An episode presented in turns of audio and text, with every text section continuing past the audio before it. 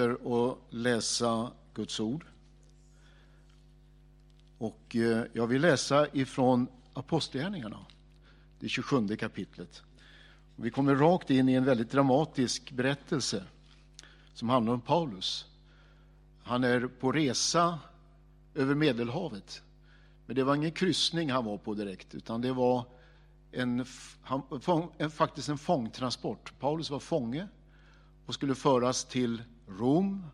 Och där skulle han ställas inför kejsaren, eh, den högsta juridiska instansen som skulle fälla domen över ärendet som hette Paulus, som var ett irritationsmoment för många människor.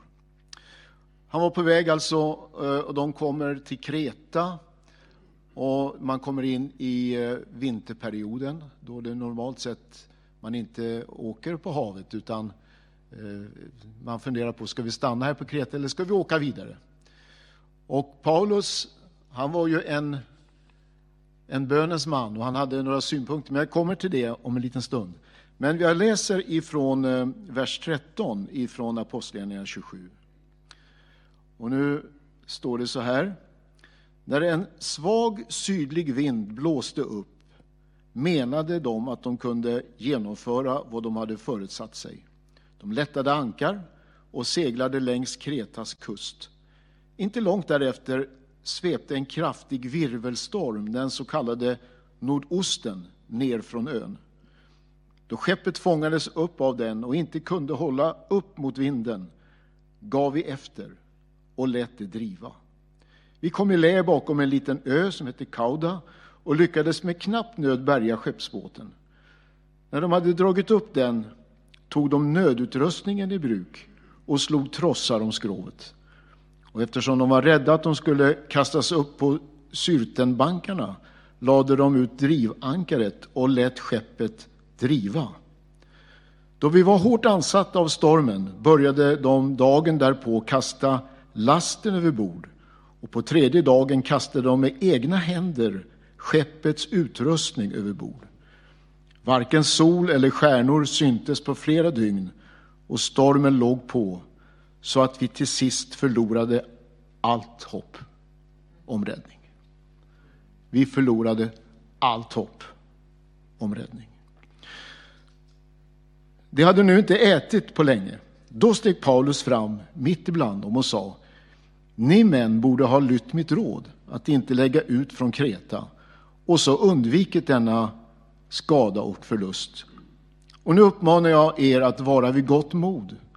Inte en enda av er ska mista livet, bara fartyget ska gå under. En ängel från den Gud som jag tillhör och tjänar stod nämligen bredvid mig i natt. Och han sa, frukta inte Paulus. Du ska stå inför kejsaren och se alla dem som seglar med dig har Gud skänkt dig. Var därför vid gott mod, ni män. Ty den tilltron har jag till Gud, att det blir som han har sagt mig. Men vi måste kastas upp på en ö. Så läser jag från vers 31. 33. Just innan det dagades uppmanade Paulus alla att äta. Han sa, i 14 dagar har ni nu väntat och varit utan mat och inte ätit något. Därför uppmanar jag er alla att äta. Det behöver ni för att bli räddade för ingen av er ska förlora så mycket som ett hårstrå på sitt huvud. När han hade sagt detta tog han ett bröd, tackade Gud inför dem alla, bröt det och började äta.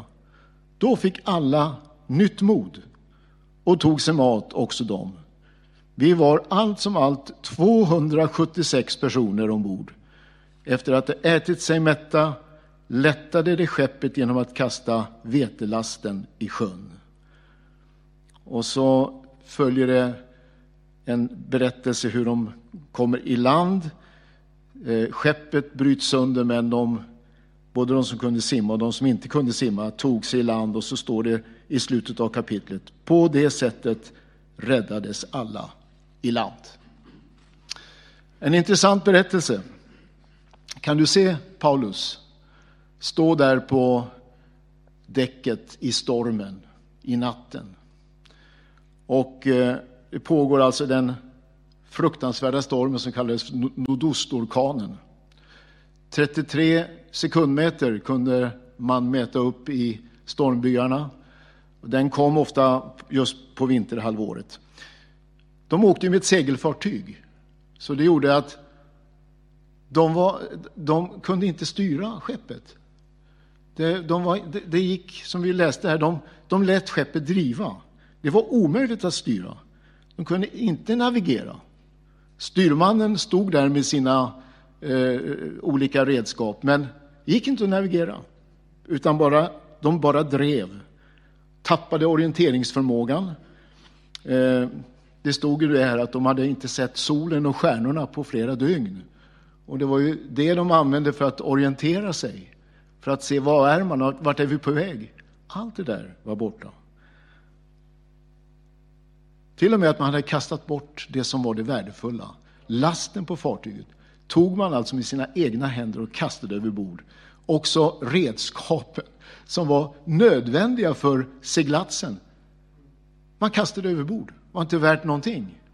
I ren desperation så hade man förlorat allt.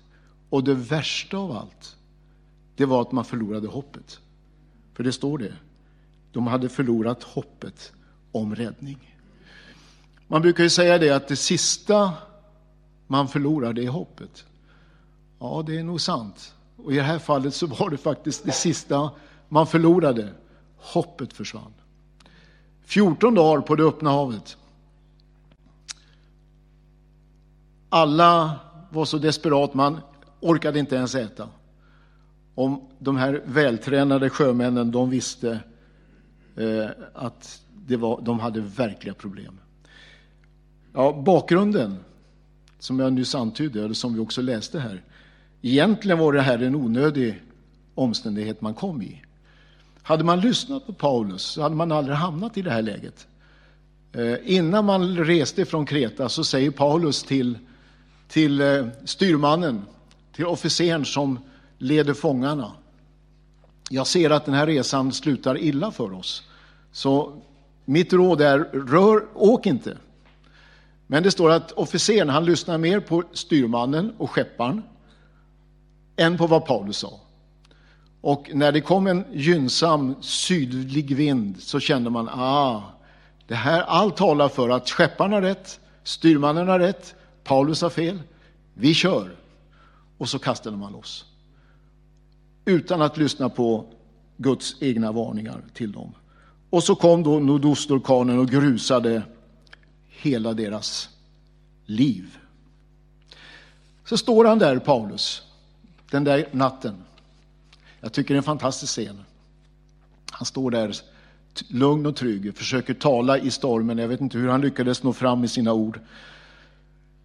De som lyssnade till honom, det var sjömännen.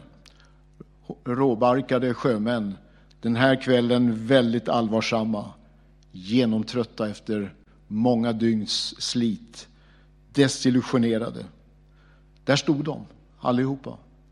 Styrmannen stod där. Han som med sina instrument skulle egentligen ha styrt fartyget men hade släppt allt. Skepparen som ägde fartyget, som såg lasten, förtjänsten försvinna och förstod att kanske fartyget också skulle försvinna. Officeren som hade fångarna i sitt ansvar, han stod också där. Och fångkamraterna, alla stod där och lyssnade när Paulus tog till orda. Visst är det en märklig scen vi möter? Det fanns alltså en man ombord som var en bönens man. En man ombord som kunde ställa sig mitt i stormen, mitt i natten och säga Jag har haft besök av en ängel ifrån Gud. Jag har haft en kommunikation med den levande guden. Vilken tur att de hade Paulus med på den här turen. För att budskapet ifrån ängeln, det var just detta. Gud har gett dig alla, Gud har gett dig alla de som är på båten. Så det var tur att Paulus fanns där för dem själva. Tänk att det fanns en trons man, en hoppets gestalt mitt i denna totalt hopplösa situation. Vilken tur att han fanns där. Och så står han där och berättar, i natt har jag fått besök av en ängel. Tänk att änglavärlden var i rörelse. Du vet, vi talar ju mycket idag om, och det är på filmer och det är i böcker och sådär, om eh, okulta ting, demoner, onda andar. Men du, du ska veta att det finns en god andevärld, mycket större, mycket mäktigare än allt det negativa och destruktiva krafter som finns. De kallas för änglar. Det är andar i Guds tjänst som Gud sänder ut för att hjälpa oss. Och det är inte så ofta vi ser dem, men de finns där och de hjälper oss. Och i det här fallet så får Paulus den här natten besök av en ängel, också så han kunde se den här ängeln. Och ängeln talade till honom. Och ängeln säger, var vid gott mod, Paulus. Du är rädd och du har bett, men var vid gott mod. Stormen finns där, mörkret gör att du känner dig rädd, men jag finns vid din sida med en hälsning ifrån Gud. Tänk vad skönt det finns med bönens människor när det krisar. Jag tänkte häromdagen på eh, min pappa. Han berättade, han, min pappa växte upp eh, på en ö utanför Stockholm, utanför Vaxholm. Min farfar var lekmannapredikant och pappa växte upp i ett troende hem. Han hade två bröder och en syster.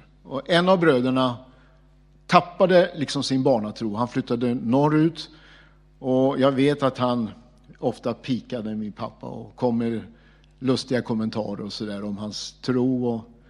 Så berättar pappa, en dag så ringer brodern uppifrån Norrland, som han inte brukade göra så ofta. Och efter lite kallprat så säger han, du, sa han, kan du be för mig? Då var det någon sjukdom, det var någonting som gjorde att det var kris. Då var det gott att veta var bönens människa fanns någonstans. Många av oss här, och säkert en del av er som också följer oss via internet, kommer ihåg en av församlingens medlemmar som heter Sven Halldorf. Han dog för några år sedan. Eh, jag lärde känna Sven första gången eh, när jag bodde i Enköping. Och vi bodde tillsammans där då.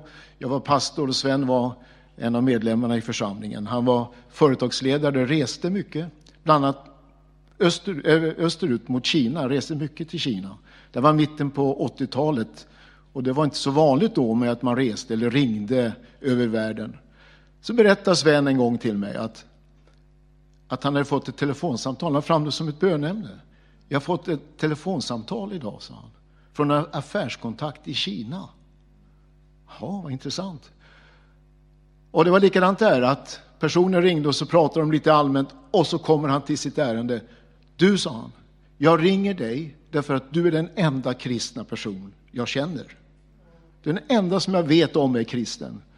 Och nu var det kris, eh, det var också sjukdom och det var relationsproblem och det var allt möjligt. Sven, kan du be för mig? Kan du be för vår situation? Skönt att ha dem där när det krisar, när det stormar. Att ha en Paulus som står och säger att jag har fått besök av en ängel, jag har ett ord ifrån Gud. Den här situationen kan man ju faktiskt då ibland personligt känna igen sig i. När man kommer in i lägen där det stormar och där man möter svårigheter. Och en del av de bönerna vi har bett för ikväll kanske passar in i det här. Där man känner att ja, men, jag ser inget hopp faktiskt, jag ser ingen väg framöver.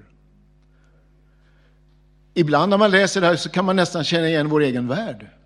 Eller hur? När vi tror att vi styr utvecklingen och i själva verket så känner vi att utvecklingen styr oss. Och det liksom bara driver. Vi har ingen styrsel. Vi kan inte navigera. Vi, vi vet inte vart vi ska. Vi vet inte vart vi är på väg.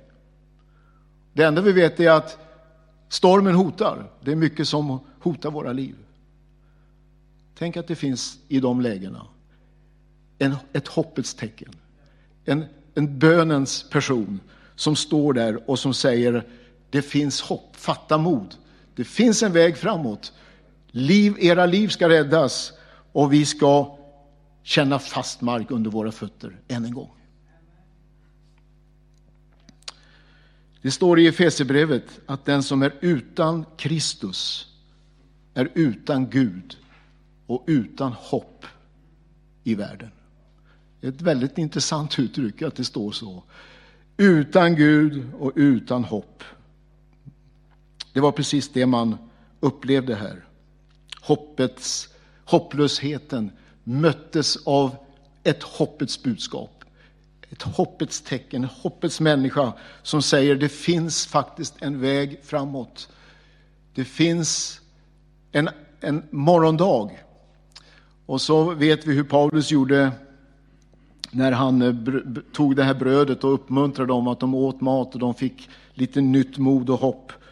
Och sen så, om, man, om du tar dig tid att läsa det här kapitlet, gör gärna det, så ska du se hur de alla kom i land. En del på plankor, en del på annat flygtyg och en del kunde simma i land och de kom till Malta, denna vackra ö. Och där hamnade man till slut. Alla kom i land. Alla. 276 på fartyget. Och jag kunde liksom se mig själv när de började räkna. När de kom i land den ena efter den andra. Och, och, och officeren som ansvarade för fångarna, han stod där och räknade. 271, 272, 733, 74, 275, 276. Alla. Som Paulus hade sagt. Profeterat till dem den där mörka natten. Tänk att få vara en hoppets förkunnare. Tänk att du kan få vara en hoppets gestalt i din omgivning. I stormen, i det hopplösa, så kan du stå där som en hoppets gestalt. Även om du inte egentligen kanske får änglabesök så kan du säga, jag har ett ord ifrån Gud och förmedla det till människor i din närhet.